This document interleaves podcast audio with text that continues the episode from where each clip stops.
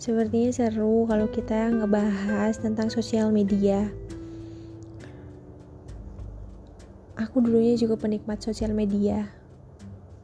Semuanya serba sosial media. Apa-apa aku selalu update ke sosial media bahkan mau makan pun aku selalu upload ke sosial media. Seakan-akan aku pengen semua orang tahu bahwa aku lagi ngapain lagi di mana dan dan lain-lain. Semuanya aku share sama mereka. Sampai akhirnya ada di mana titik aku malah ngebandingin hidupku sama orang lain ngebandingin tentang hmm, kok hidupku kayak gini-gini aja ya? Mereka kok udah sukses dan segala macem ya? Kacau. Ini nggak bagus. Ini salah. Makanya waktu itu aku nonaktifin Instagramku salah satu sosial media yang menurutku sangat membuatku insecure pada saat itu. Terus akhirnya sekarang aku buka lagi.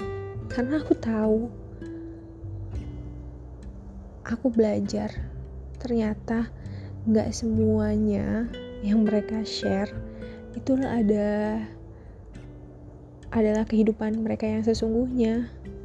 Enggak itu salah. Itu tuh cuma secuil dari kehidupannya mereka aja.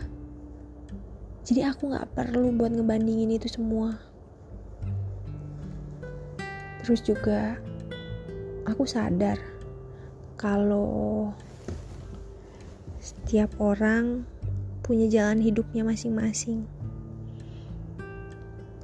Setiap orang punya masalahnya masing-masing jadi nggak usah dan nggak perlu buat ngebandingin diri ini sama orang lain. Terus nggak perlu lagi tuh kita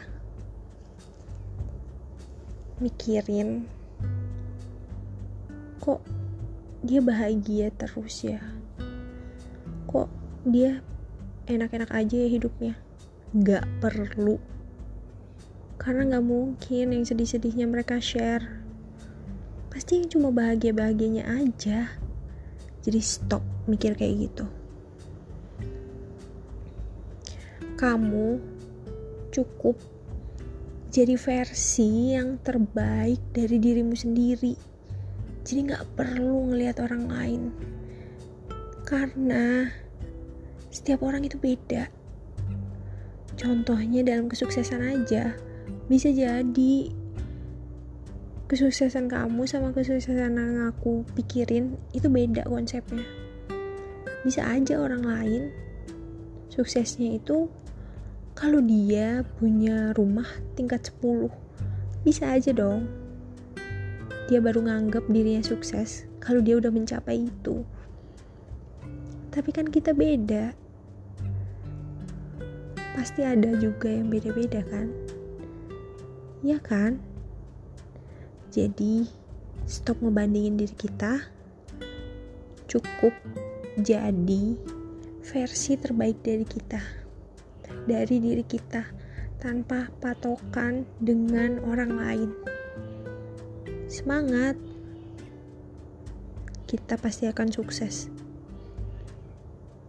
tapi dengan cara dan masalah